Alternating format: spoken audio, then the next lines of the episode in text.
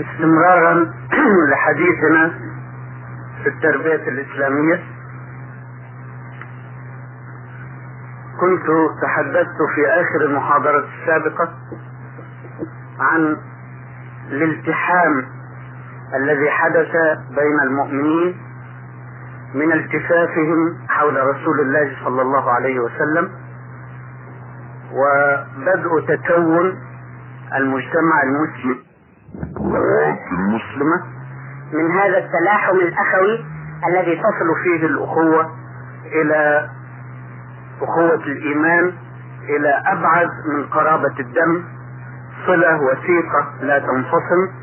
صلة تؤدي إلى أن يؤثر المؤمنون على أنفسهم لأنهم تربوا في ظل الأفق الأعلى للإسلام.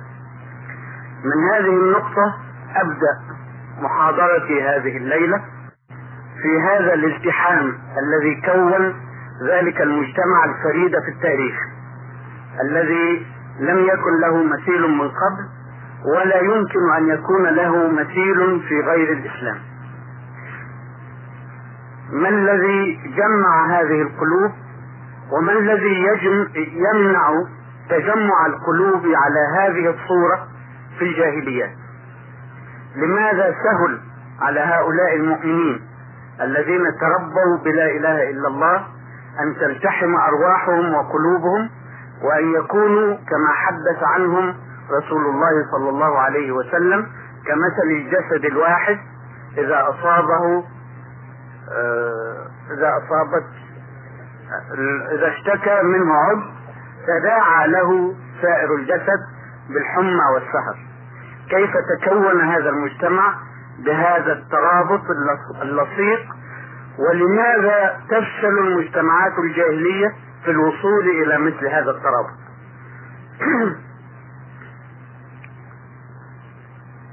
أول الأمور وقد يبدو لنا هذا امرا مضحكا لأول وهلة ولكنه حقيقة أن الإنسان في الجاهلية يحس بذاته متضخما أكبر من حقيقته.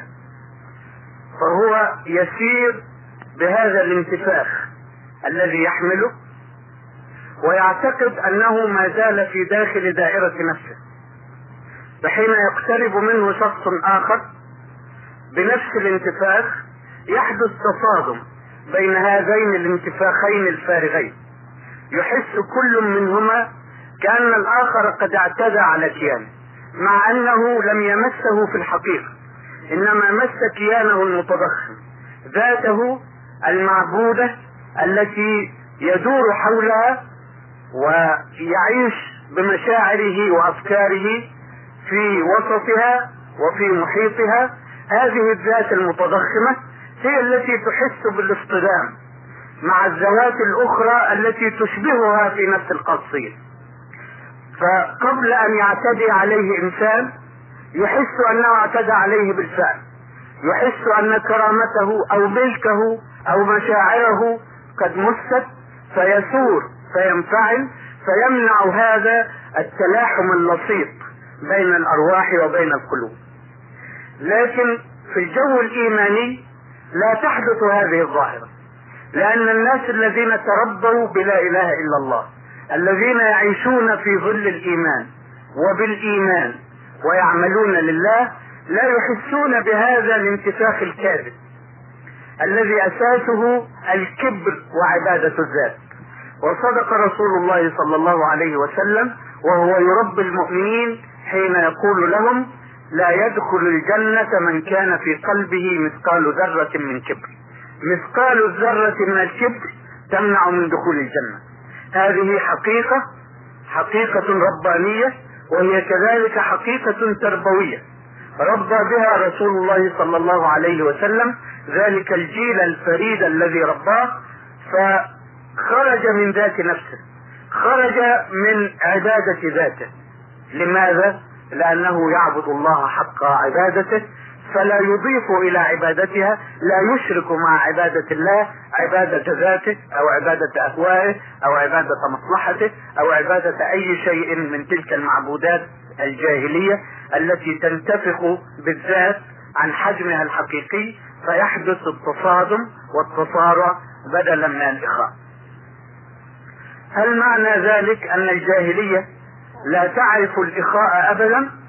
كلا إنها تعرفه. ولكنها تعرفه في النطاق المحدود الذي تحدثنا عنه في المرة الماضية نطاق المصالح المؤقتة. حين توجد مصلحة يوجد التصاق ولكنه التصاق وقتي ليس الالتحام الذي يصنعه الإيمان إنما هو التصاق آه، بإن كل واحد من الأطراف يرى مصلحته المؤقتة في هذا الالتصاق أو هذا التآخي أو هذا التصادق فتحدث الصداقة المؤقتة ولكنها لا تصل ابدا إلى اذابة ذلك الحاجز وهو الذات المعبودة التي يصد بها كل إنسان الإنسان الآخر يصده عن التلاحم يصده عن الإخاء الحقيقي يصده عن التلاقي الداخلي الذي يصل المشاعر بالمشاعر ويصل الروح بالروح ويصل القلب بالقلب. أمر آخر أعان ذلك المجتمع أو هذه الجماعة المؤمنة على الالتحام على التصاق المشاعر وتداخلها. بالإضافة إلى الجو الذي رباهم فيه رسول الله صلى الله عليه وسلم والتحموا حوله والتفوا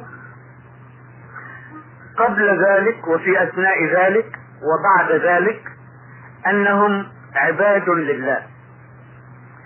والذي يشعر أنه عبد لله هذه العقيدة هذه الفكرة تعيش معه تعيش في داخل قلبه لا تزايله له سمت معين له جاذبية والجاذبية تصنع الالتحام.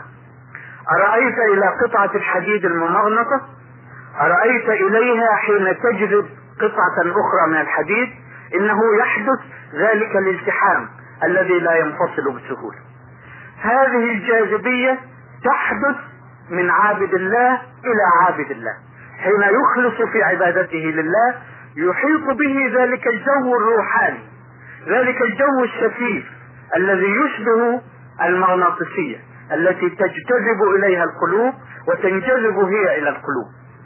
إن هذا الجو جو التجاذب لا يحدث إلا في ظل الإيمان. يحدث من شعور كل إنسان بعبوديته الحقة لله. العبودية الكاملة التي لا تدع في النفس مجالا لعبودية أخرى ولا لمشغلة أخرى غير عبادة الله. وعبادة الله في الإسلام شيء ضخم جدا. إنه ليس مجرد التقدم إلى الله بشعائر التعبد. إن شعائر التعبد صحيح أنها صورة ظاهرة للعبادة صورة محسوسة.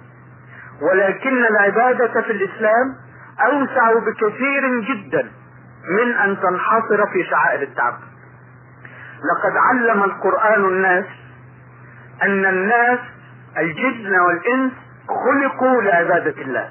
يقول الله سبحانه وتعالى وما خلقت الجن والإنس إلا ليعبدون. يعني حياتهم محصورة في العبادة غاية وجودهم هو العبادة. وبهذا المعنى لا يمكن أن تنصرف العبادة إلى شعائر التعبد لأن شعائر التعبد مهما تبتل الإنسان في العبادة لا يمكن أن تستغرق حياته كلها لا يمكن أن تستغرق وقته كله. لا يمكن أن تستغرق جهده كله. كم تستغرق الصلاة من المصلي المتبتل العابد الذي نذر نفسه للعبادة؟ ساعة في اليوم ساعتين. فأين تذهب بقية الساعات؟ وأين يذهب بقية الأمر؟ وأين يذهب بقية الجهد؟ الآية تقول وما خلقت الجن والإنس إلا ليعبدون. غاية وجودهم هي العبادة لم يكلفهم الله إلا العبادة لا يتقبل منهم إلا العبادة فكيف يكون مفهوم العبادة؟ هو شعائر التعبد. إنه من جهة الإنسان لا يستطيع أن يعبد الله بشعائر التعبد في الأربعة والعشرين ساعة متواصلة. ليس هذا خلق الإنسان. لم يخلق لهذا ولا يقدر عليه. إنما هذا خلق الملائكة. يسبحون الليل والنهار لا يفترون. خلقهم الله على هذه الصورة وكلفهم العبادة بهذه الصورة. يسبحون الليل والنهار لا يفترون. هل يستطيع الإنسان مهما صدق إخلاصه لله أن يسبح لله الليل والنهار لا يفتر؟ كلا. لأن له جسدا ولأن له عقلا إلى جانب روحه. الجسد مليء بالرغبات. ثم إن الجسد الجسد يكل ويمل. لو وقف الإنسان يصلي ساعة فإن جسده ينبهه أنه تعب أنه لا بد له من راحة. ولكن الملك ذلك الكائن النوراني الشفيف لا يتعب ولا يمل من التسبيح الليل والنهار. يصلي لله يتعبد الله بالتسبيح ولا يفطر ولا يمل لأنه لا جسد له. لكن الإنسان بتكوينه الجسدي ذي الشهوات ذي الرغبات الذي يحتاج إلى طعام وشراب ويحتاج إلى راحة ويحتاج إلى نوم لا يستطيع أن يسبح الليل والنهار لا يفتر وللإنسان عقل. وهذا العقل دائم الانشغال. منشغل بأمور الحياة الدنيا منشغل بالكون المادي مشتغل بحب المعرفة. مشتغل بالرغبة في تسخير طاقات الكون لأنها مسخرة له من عند الله وسخر لكم ما في السماوات وما في الأرض جميعا منه. هي مسخرة للإنسان ولكنها تحتاج لتحقيق ذلك التسخير في عالم الواقع إلى جهد يبذله الإنسان ببدنه وبعقله. فهذا العقل يفكر وهو مشغول والجسد له مطالب فكيف يستطيع الإنسان أن يسبح الليل والنهار لا يفتر وأن يتعبد الله بشعائر التعبد الليل والنهار؟ كلا لا يستطيع. والله لم يطلب منه ذلك لأنه لم يخلقه على صورة الملائكة. ولو شاء سبحانه لخلقه على صورة الملائكة ولكلفه صورة العبادة التي كلف بها الملائكة لكنه خلقه لغاية أخرى. خلقه ليكون خليفة في الأرض. وركبه تركيبا مختلفا عن الملك. جعل له إلى جانب روحه جسدا وعقلا. وجعل للجسد مطالب وللعقل مطالب إلى جانب مطالب الروح. لذلك لم يكلفه سبحانه وتعالى أن يتعبده على طريقة الملك. الملك. لم يشأ سبحانه أن يكلفه بأن يسبحه الليل والنهار لا يفتر. لكنه في ذات الوقت يقول سبحانه وتعالى وما خلقت الجن والإنس إلا ليعبدون. كيف نفسر ما يبدو لنا لأول وهلة تناقضا ظاهريا وحاشا لكلام الله أن يقع فيه التناقض. لا بد أن يكون اذا معنى العبادة بالنسبة للإنسان مختلفا عنه بالنسبة للملك. لا بد أن تكون عبادة الإنسان شيئا آخر إلى جانب شعائر التعبد. نعم حين ننظر في القرآن نجد الله سبحانه وتعالى يقول لرسوله صلى الله عليه وسلم قل إن صلاتي ونسكي ومحياي ومماتي لله رب العالمين. الصلاة والنسك هي شعائر التعبد والحياة بكل ما فيها من نشاط والموت إلى آخر لحظة هي جزء من العبادة التي كلف الإنسان أن يقدمها لله. كيف يكون الحياة كلها والموت عبادة؟ بأن يتوجه بها إلى الله بأن يستمد في كل جزئية منها من منهج الله سبحانه وتعالى بأن يبتغي بالعمل وجه الله فيكون العمل عبادة وهو عمل جسد وهو عمل فكر وهو عمل روح. الإنسان العابد الذي تربى في ظل لا إله إلا الله العابد بحق يعني الذي يتوجه إلى الله بروحه يتوجه إلى الله بفكره يتوجه إلى الله بجسده أي بعمل جسده وعمل فكره وعمل روحه. هذا الإنسان هو الذي تنبعث منه تلك الإشعاعات التي تجعل الأرواح تلتصق وتجعل القلوب تلتقي بجاذبية تشبه جاذبية المغناطيسية. ولا يتحقق هذا بغير المؤمن الصادق. لا يتحقق في مجتمع الجاهلية لأنه تفرقهم تجمعهم المصالح وتفرقهم المصالح أيضا. لكن هذا الكائن الذي تربى على العبادة العبادة بمعناها الإسلامي الذي تجعله يذكر الله كما وصفه القرآن. الذين يذكرون الله قياما وقعودا وعلى جنوبهم ويتفكرون في خلق السماوات والأرض. ربنا ما خلقت هذا باطلا سبحانك فقنا عذاب النار. يذكر الله قياما وقعودا وعلى جنبه. هل معنى الذكر هو ذكر اللسان على طريقة الذين يذكرونه بألسنتهم؟ ولو بأسمائه الحسنى الله الله الله قدوس قدوس سبوح سبوح.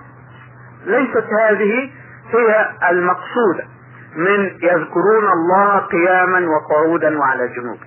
إنما المقصود أن يكون الله في قلبه أن يكون في فكره أن يكون في حسه وهو قائم يعمل وهو ذاهب لينام. وهو يؤدي كل عمل من الأعمال الله في قلبه الله في فكره بمعنى أنه يتذكره فيخشاه فيعمل بمقتضى إرادته. هذا الكائن الذي يتربى على هذه الصورة هو الذي يستطيع في يسر أن يلتقي بأخيه فتتجاذب الأرواح وتلتقي القلوب. ويحدث هذا المجتمع المتلاحم الذي لا مثيل له ولا يمكن أن يكون له مثيل إلا في ظل الإيمان. أمر آخر من الأمور التي أعانت على تكوين تلك الجماعة الفريدة وذلك المجتمع الفريد. أمر مشهود نعرفه ونلاحظه بالتجربة بالمشاهدة أنه كلما ارتفع أفق الإنسان قل إحساسه المبالغ فيه بذاتيته. قلنا من قبل أن الذي يمنع التلاحم هو هذا الانتفاخ الكاذب الذي يحيط به الإنسان نفسه في الجاهليه والذي يصطدم بالآخرين لأن كل إنسان منتفخ. هذا الانتفاخ الكاذب فيصطدم انتفاخ بانتفاخ. هذا يحدث للإنسان عندما تكون مشاعره وأفكاره في المستوى الأدنى. حين يرتفع في الجاهلية ذاتها يحدث أحيانا أن يرتفع البشر في أزمة طارئة أزمة زي ما بيسموها أزمة وطنية أزمة قومية خطر يهدد الأمن. تجد الناس يرتفعون على ذواتهم مؤقتا. حين يرتفعون على ذواتهم يقل هذا الانتفاخ لو كان هنا سبورة كنت أريد أن أرسم لكم صورة. صورة قزم ضئيل منتفخ لأنه هكذا تكور فانتفخ. لو جعلته إلى أعلى يدخل هذا الانتفاخ الظاهري يدخل لأنه يرتفع إلى أعلى. لكن يعود فيقصر فينتفخ. هكذا في الجاهلية قد يرتفع الناس أحيانا. حين تصيبهم ازمة مشتركة تهدد امنهم جميعا أو تخص مصالحهم جميعا يرتفعون. يرتفعون مؤقتا في شعور وطني أو شعور قومي أو ما يسمونه الصالح العام. يحدث لهم هذا التمدد إلى أعلى الذي يزيل هذا الانتفاخ فيحدث بينهم تلاق مؤقت أو التحام مؤقت. يحدث هذا في الأزمات التي تصيب الناس في الجاهلية. لكن بمجرد ما تنتهي الأزمة يعود بفكرة الأرض فيهبط فيتكور وينتفخ ويتمركز حول ذاته فيذهب ذلك اللقاء العارض ويعود كل فرد يعبد ذاته يقدس ذاته فيصطدم بالذوات الأخرى المقدسة. التربية الإسلامية التربية بلا إله إلا الله التربية في ظل العبودية الحقة لله تجعل الإنسان في هذا الأفق الأعلى على الدوام. لا يهبط وإن هبط يعود فيرتفع. الإنسان الذي لا يهبط ابدا لا وجود له في غير المعصومين عليهم رضوان عليهم صلوات الله وسلامه. لكن البشر العاديين عرضة دائما للهبوط. لكن هبوط المؤمن هبوط مؤقت يعود بعده فيرتفع كما قلت في المرة الماضية والذين إذا فعلوا فاحشة أو ظلموا أنفسهم ذكروا الله فاستغفروا لذنوبهم ومن يغفر الذنوب إلا الله ولم يصروا على ما فعلوا وهم يعلمون. هذا هذه العودة إلى الله تذكر الله بعد الهبوط يعود فيرفعه مرة أخرى. يرتفع إلى الأفق الأعلى. لقد رأينا في الجاهلية حين يرتفع الناس بشعور وطني أو شعور قومي أو بمصلحة مشتركة كيف يتغلبون على ذواتهم ولو مؤقتا فيرتفعون إلى أفق يستطيعون أن يتلاقوا فيه. هذا وهم يعيشون في محيط الأرض وفي محيط المشاعر المصالح القريب. تصور معي ذلك المجتمع الذي لا تنحصر آفاقه في الحياة الدنيا ولا تشغله مصالحه الذاتية إلا بقدر ولكنه مهموم دائما مهتم دائما بالأمور العليا مهتم دائما بإقامة المنهج الرباني في الأرض مهتم دائما بإزالة الظلم والبغي من الأرض مهتم دائما بإحقاق الحق في الحياة الدنيا. مهتم دائما بإزالة الشرك والكفر وتوصيل الخير والنور للناس الذين لم يصل إليهم الخير والنور. مهتم فوق ذلك كله بما هو أبعد وما هو أعلى وما هو أرقى من الحياة الدنيا كلها حتى على مستواه الأعلى. ذلك هو نعيم الآخرة. الإنسان الذي هذه اهتماماته هذه هي المطالب التي يعيش من أجلها. يعود فيهبط فيتكور فينتفخ مثل إنسان الجاهلية؟ كلا إن هناك شيئا يجذبه دائما إلى أعلى. الناس في جاهليتهم تجذبهم ثقلة الأرض فيهبطون. أما هذا الذي يعيش في ظل الإيمان يعيش بلا إله إلا الله يعيش من أجل لا إله إلا الله فإن الذي يجذبه هي الأمور العليا. هناك جاذبية عليا تجذبه. هل معنى هذا أنه تخلص من ثقلة الأرض؟ أنه أصبح ملكا يطير بجناحيه؟ كلا لم يطالب الله الإنسان أن يكون ملكا. ولو شاء لخلقه ملكا من بادئ الأمر. إنما هو بشر. وثقلة الأرض تشده إلى أسفل. ولكنه يتوازن. بهذه الجاذبية العليا يجب يتوازن. فلا تشده ثقلة الدنيا إلى أسفل فينسى ربه. إنما هو على توازنه هذا بين ثقلة الأرض وبين جذب الآخرة يعيش في أفقه الأعلى الذي خلقه الله فيه. لقد خلقنا الإنسان في أحسن تقويم. هكذا يكون في أحسن تقويم. ببشريته الكاملة بمشاغله الأرضية بل إن الله لا يقبل منه أن يترك مشاغل الأرض. لا رهبانية في الإسلام. وتعرفون قصة الرهط الذين ذهبوا إلى بيت من بيوت رسول الله صلى الله عليه وسلم. أظنه بيت عائشة رضي الله عنها فسألوا عن عبادته صلى الله عليه وسلم. فلما أخبروا كأنهم تقالوها يعني رأوها قليلة في أنظارهم.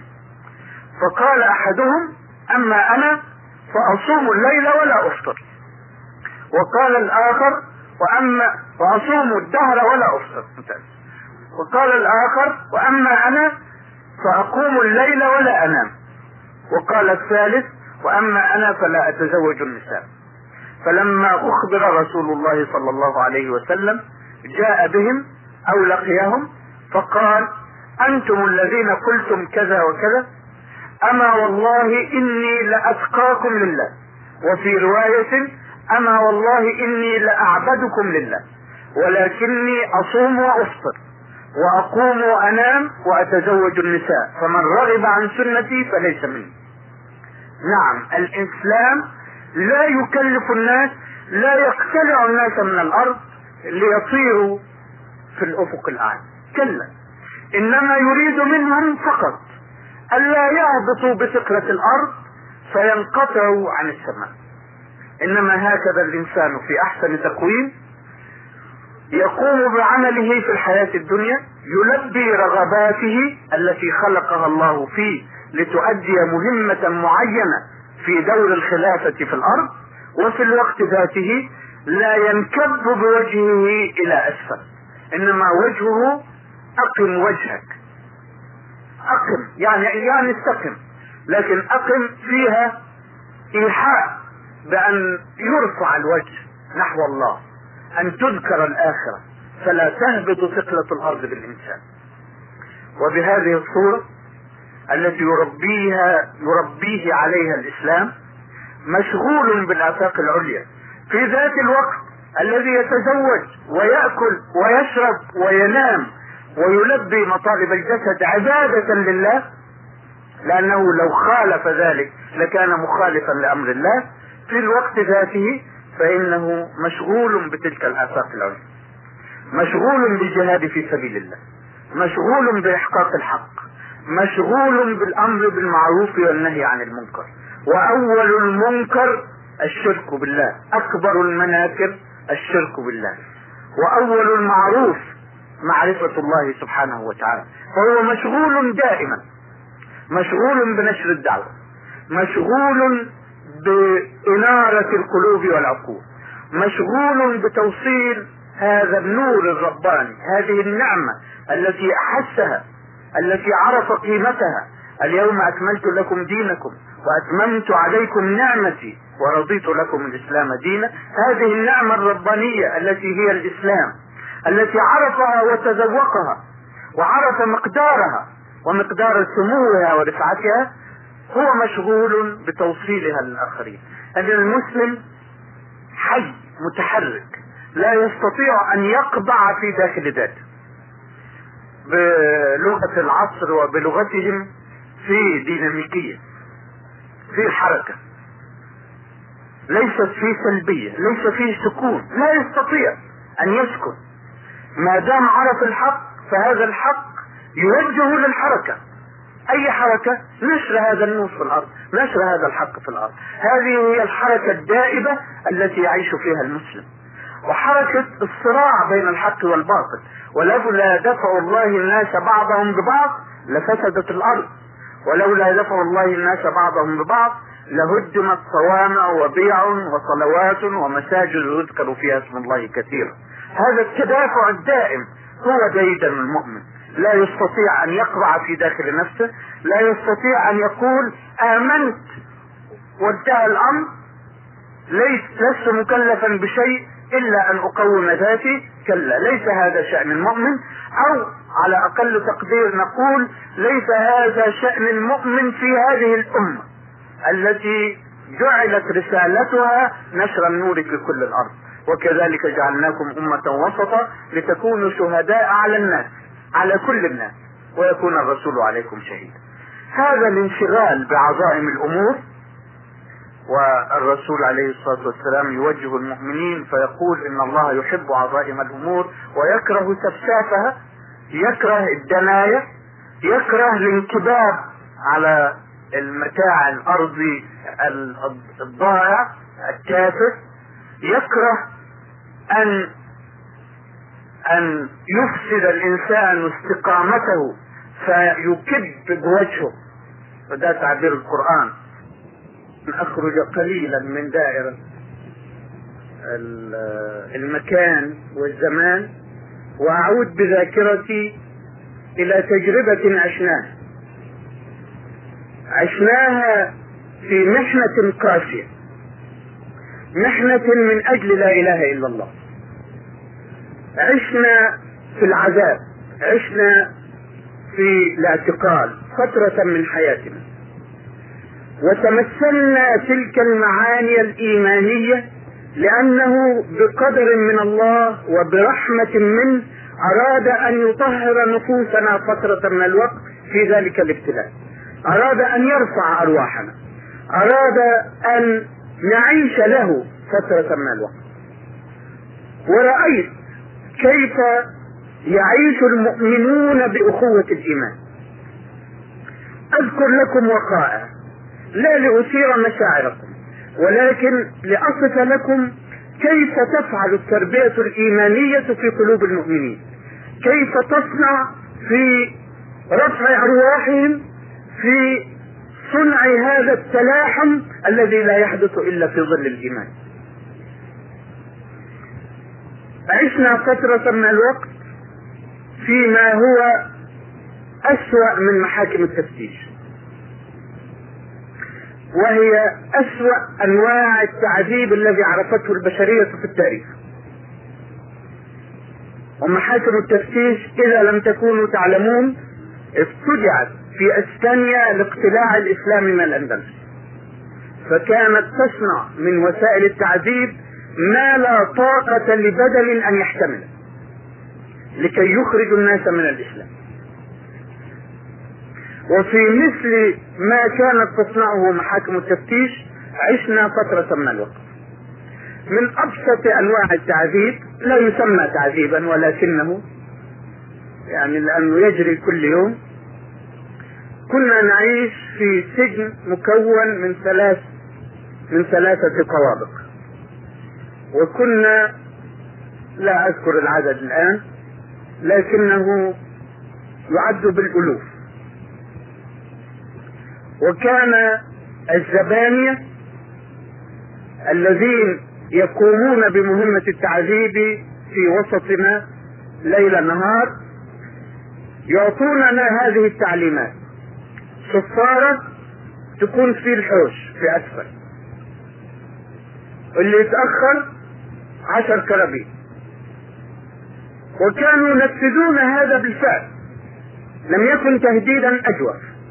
إنما كان بمجرد أن تنطلق الصفارة على الناس جميعا وهم ينزلون من سلمين اثنين أن يتجمعوا في لحظة في فناء المعتقل ويتأخر منهم لا بد أن يتأخر منهم.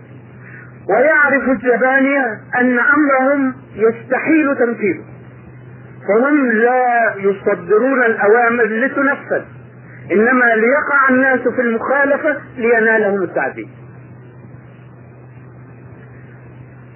في تلك الثواني المشحونة مشحونة عصبية كل إنسان يريد أن يهبط سواء كان في الدور الأول أو الثاني أو الثالث يريد أن يتجمع في الفناء في ثواني لكي لا ينال جسده الصوت الذي يهوي بلذع كالنار.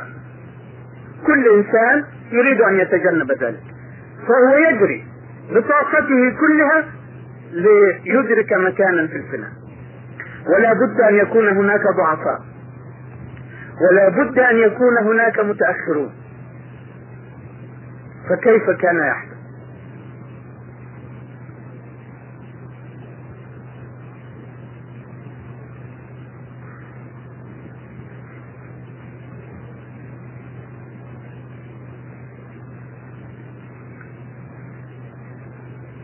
معذرة.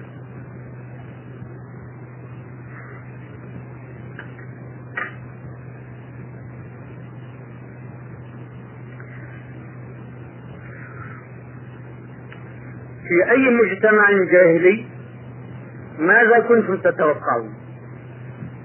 لا بد أن يتدافع الناس. لا بد أن يزيح بعضهم بعضا ليصلوا إلى المكان المطلوب. لكن الذي كان يحدث في تلك الشدة في تلك المحنة وكنت أراه يوميا أن يفتح بعض الإخوة الطريق للضعفاء للذين لا يستطيعون للذين لا يحتملون لدع الصوت فيفتحون لهم الطريق وينالهم هم ينالون.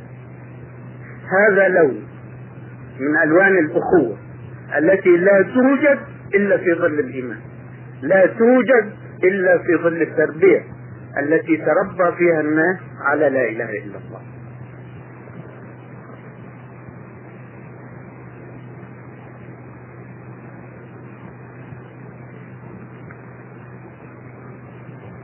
معذرة لما يصيب في النفس المشاعر أحيانا. أردت بهذا النموذج؟ على صغره أن أقول إن هذا ليس شأن الجيل الأول وحده. وكثيرا ما نحس أو نظن أو نتوهم أنه جيل هو صحيح جيل فريد في التاريخ لا شك في ذلك.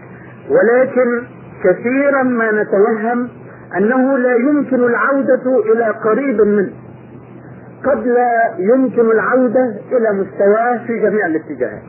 قد يكون هذا غير ممكن. أما أن نظن أو نتوهم أنها مرة عابرة في التاريخ غير قابلة للإعادة بأي شكل من الأشكال فهذا وهم هو الذي أردت أن أصححه. المسلمون في أي وقت يستطيعون.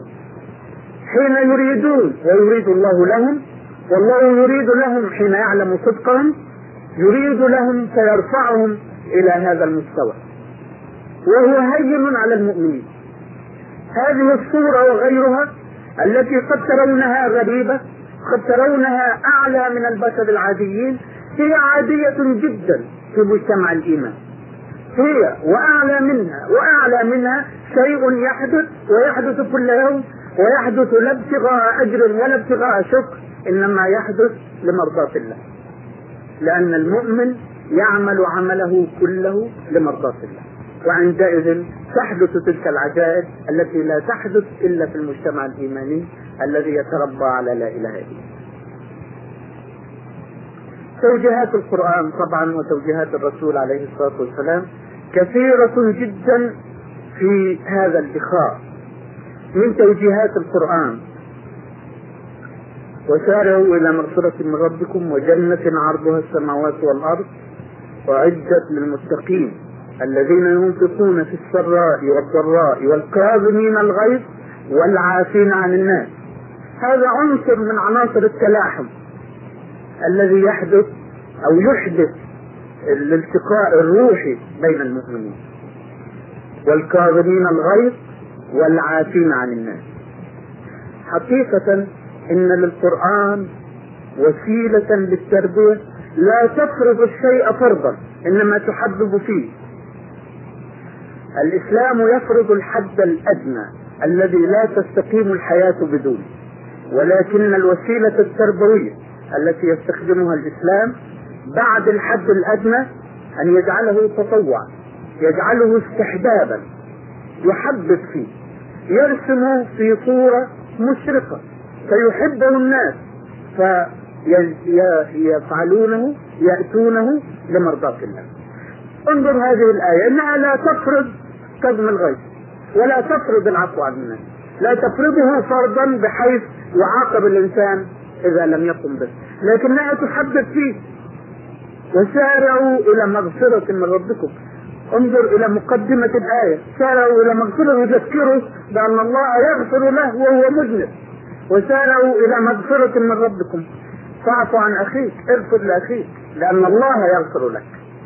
وسارعوا إلى مغفرة من ربكم. وجنة عرضها السماوات والأرض. أعدت للمتقين. من هم المتقون؟ الذين يدعو الله الناس أن يسارعوا للدخول في مغفرته. أولئك هم المتقون هم الذين ينفقون في السراء والضراء والذين يكظمون الغيظ والذين يعفون عن الناس.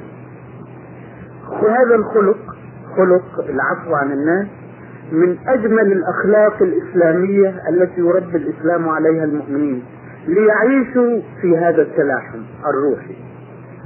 كل البشر يخطئون ويخطئ بعضهم في حق بعض. وبين الصحابة الأجلاء رضوان الله عليهم كان يحدث هذا ولن نكون أفضل من الصحابة. ولا يريد الله منا أن نتخلى عن بشريتنا. إنما يريد أن نرتفع ببشريتنا إلى أقصى حد تطيقه طاقته. ومن هذا التحبيب التحبيب بكظم الغيظ والعفو عن الناس. ويدرؤون بالحسنة السيئة. ادفع بالتي هي أحسن فإذا الذي بينك وبينه عداوة كأنه ولي حميد هذه توجيهات الإسلام. ولقد فعلت هذه التوجيهات فعل السحر في القلوب. حين يسيء إليك أخوك فتعفو عنه كيف يكون موقفه؟ هل يلج في الإساءة؟ كلا. ما دام أخا صادق الإيمان فلن يلج في الإساءة. إنما يخجله عفوك. يشعره بذنبه. يشعره مضاعفا. لأنه يتوقع منك أن ترد السيئة بالسيئة. فإذا أنت قابلته درأت السيئة بالحسنة وقابلته بالعفو فإن هذا يخجل فيعود فيعتذر إليك. ولقد وقع من بعض الصحابة لبعضهم من بعضهم لبعضهم عدوان. أبو ذر رضي الله عنه وهو في القمة من صحابة رسول الله صلى الله عليه وسلم هفى هفوة. وقال لأخيه بلال يا ابن السوداء بقية من بقايا الجاهلية كانت في نفسه فسمع رسول الله صلى الله عليه وسلم بذلك. فقال له أنت امرؤ فيك جاهلي. نعم إنه من الصحابة ومن أجلة الصحابة. ولكن بقايا رواتب الجاهلية مسألة أبيض وأسود كانت ما تزال في قلبه. لم يغسلها لم تغسلها التربية الإسلامية غسلا كاملا. ما زال التربية تغسل. لكن هناك رواتب ما زال بقية منها في نفس ذلك الصحابي الجديد. فتفوه بهذه الكلمة لأخيه بلال. ولكن والذين إذا فعلوا فاحشة أو ظلموا أنفسهم ذكروا الله فاستغفروا لذنوبهم. حين قال له رسول الله صلى الله عليه وسلم أنت امرؤ فيك جاهلي ماذا فعل؟ كيف لمست هذه الكلمة قلبه وروحه. ذهب إلى بلال رضي الله عنه فوضع خده في الأرض وقال لبلال طأ خدي بنعلك. هذا أثر التربية القرآنية. هكذا ارتفعت هذه الكلمة هذا التوجيه من رسول الله صلى الله عليه وسلم ارتفع بأبي ذر في لحظة فذابت كل رواتب الجاهلية. بل أكثر من ذلك. نسي قضية الأبيض والأسود. ما عاد له وجود في حسه. بل أكثر من ذلك راح بتواضع الإيمان. بذلة المؤمن لأخيه. أذلة على المؤمنين. راح يقول لبلال طأ طأ خدك بنعلي طأ خدي بنعلي وهكذا انغسل ما في قلب أبي ذر من بقايا رواتب الجاهلية وانغسل ما في قلب بلال من غضب رضي الله عنهما وكان في القمة. هذه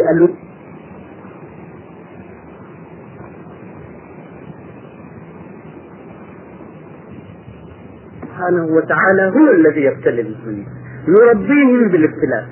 الابتلاء في لا إله إلا الله. الابتلاء في العقيدة. يقول الله سبحانه وتعالى بسم الله الرحمن الرحيم ألف لام أحسب الناس أن يتركوا أن يقولوا آمنا وهم لا يفتنون؟ ولقد فتنا الذين من قبلهم فلا يعلمن الله الذين صدقوا ولا يعلمن الكاذبين. كلمة فتن في أصلها اللغوي فتن الذهب والفضة يعني صهرهما على النار لينفي منهما الغبش. ده المعنى الأصلي للفتنة. والفتنة التي يقع فيها البشر هي مجاز وحقيقة على كلمة فتنة. هي نار يدخلون فيها. كما يدخل الذهب والفضة النار لينقى. يدخل هذا العذاب هذا الابتلاء هذه النار. رحمة من الله لا نقمة. حاشا لله أن ينقم على عباده المؤمنين وهم عباده. إنما يستطيع يستطيعهم على هذا النحو. يعلم الله سبحانه وتعالى أنه لا ينفي الخبث شيء مثل الابتلاء. فيبتلي عباده يبتليهم ليطهرهم من الخبث. وليمحص الله الذين آمنوا. ويمحق الكافرين. ترتيب في الآية مقصود. يجيء محق الكافرين بعد تمحيص المؤمنين. التمحيص يحدث أولا وبالمؤمنين الممحصين هؤلاء يتم محق الكافرين. لكن لابد في بادئ الأمر أن يمحص المؤمنين. وفي هذا التمحيص تتلاقى القلوب وتتلاقى الأرواح وتتلاقى المشاعر لأنه ابتلاء يعمهم جميعا. يعم يعمهم بشأن لا إله إلا الله التي آمنوا بها جميعا. يتوجهون فيها إلى الإله الواحد الذي عبدوه جميعا. لا تزوغ مشاعرهم لا تزيغ إلى طلب معونة من هنا ولا معونة من هناك لأن الله هو الذي أدخلهم في ذلك الابتلاء والله هو الذي يخرجهم منه. ولا قوة في الأرض تملك للمؤمنين في وقت ابتلائهم مددا ولا عونا إلا الله سبحانه وتعالى. وهذا هو درس الابتلاء. إنما يدخل الله عباده المؤمنين في الابتلاء ليرسخ في أرواحهم هذا المعنى. أن المتجه إليه أن المتطلع إليه أن القوة عنده أنه لن يزيل الغاشية إلا هو. فتصفو قلوبهم من التشبث بقوى الأرض. وقوى الأرض لا ت... قوى الأرض لا تملك إنما يملك الله.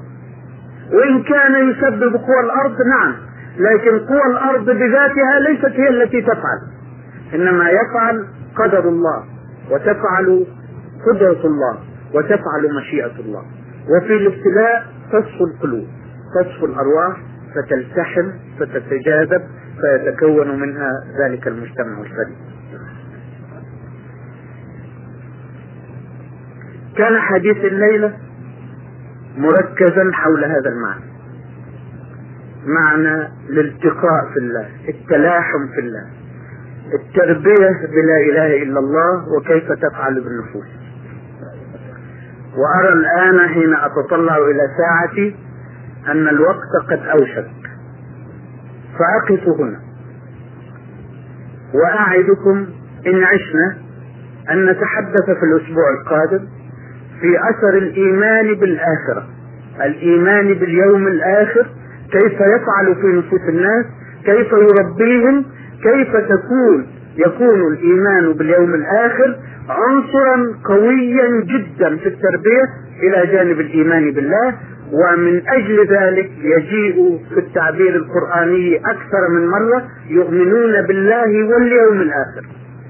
نفيا وإثباتا يثبت للمؤمنين أنهم يؤمنون بالله واليوم الآخر. ويقول عن الكفار لا يؤمنون بالله ولا باليوم الآخر. فيرتبط الإيمان بالله مع الإيمان باليوم الآخر رباطا واحدا كأنهما شيء واحد. وهما معا أداة عظمى من أدوات التربية. ففي المرة القادمة بإذن الله نتحدث عن الإيمان باليوم الآخر وأثره في التربية الإسلامية. السلام عليكم ورحمة الله وبركاته.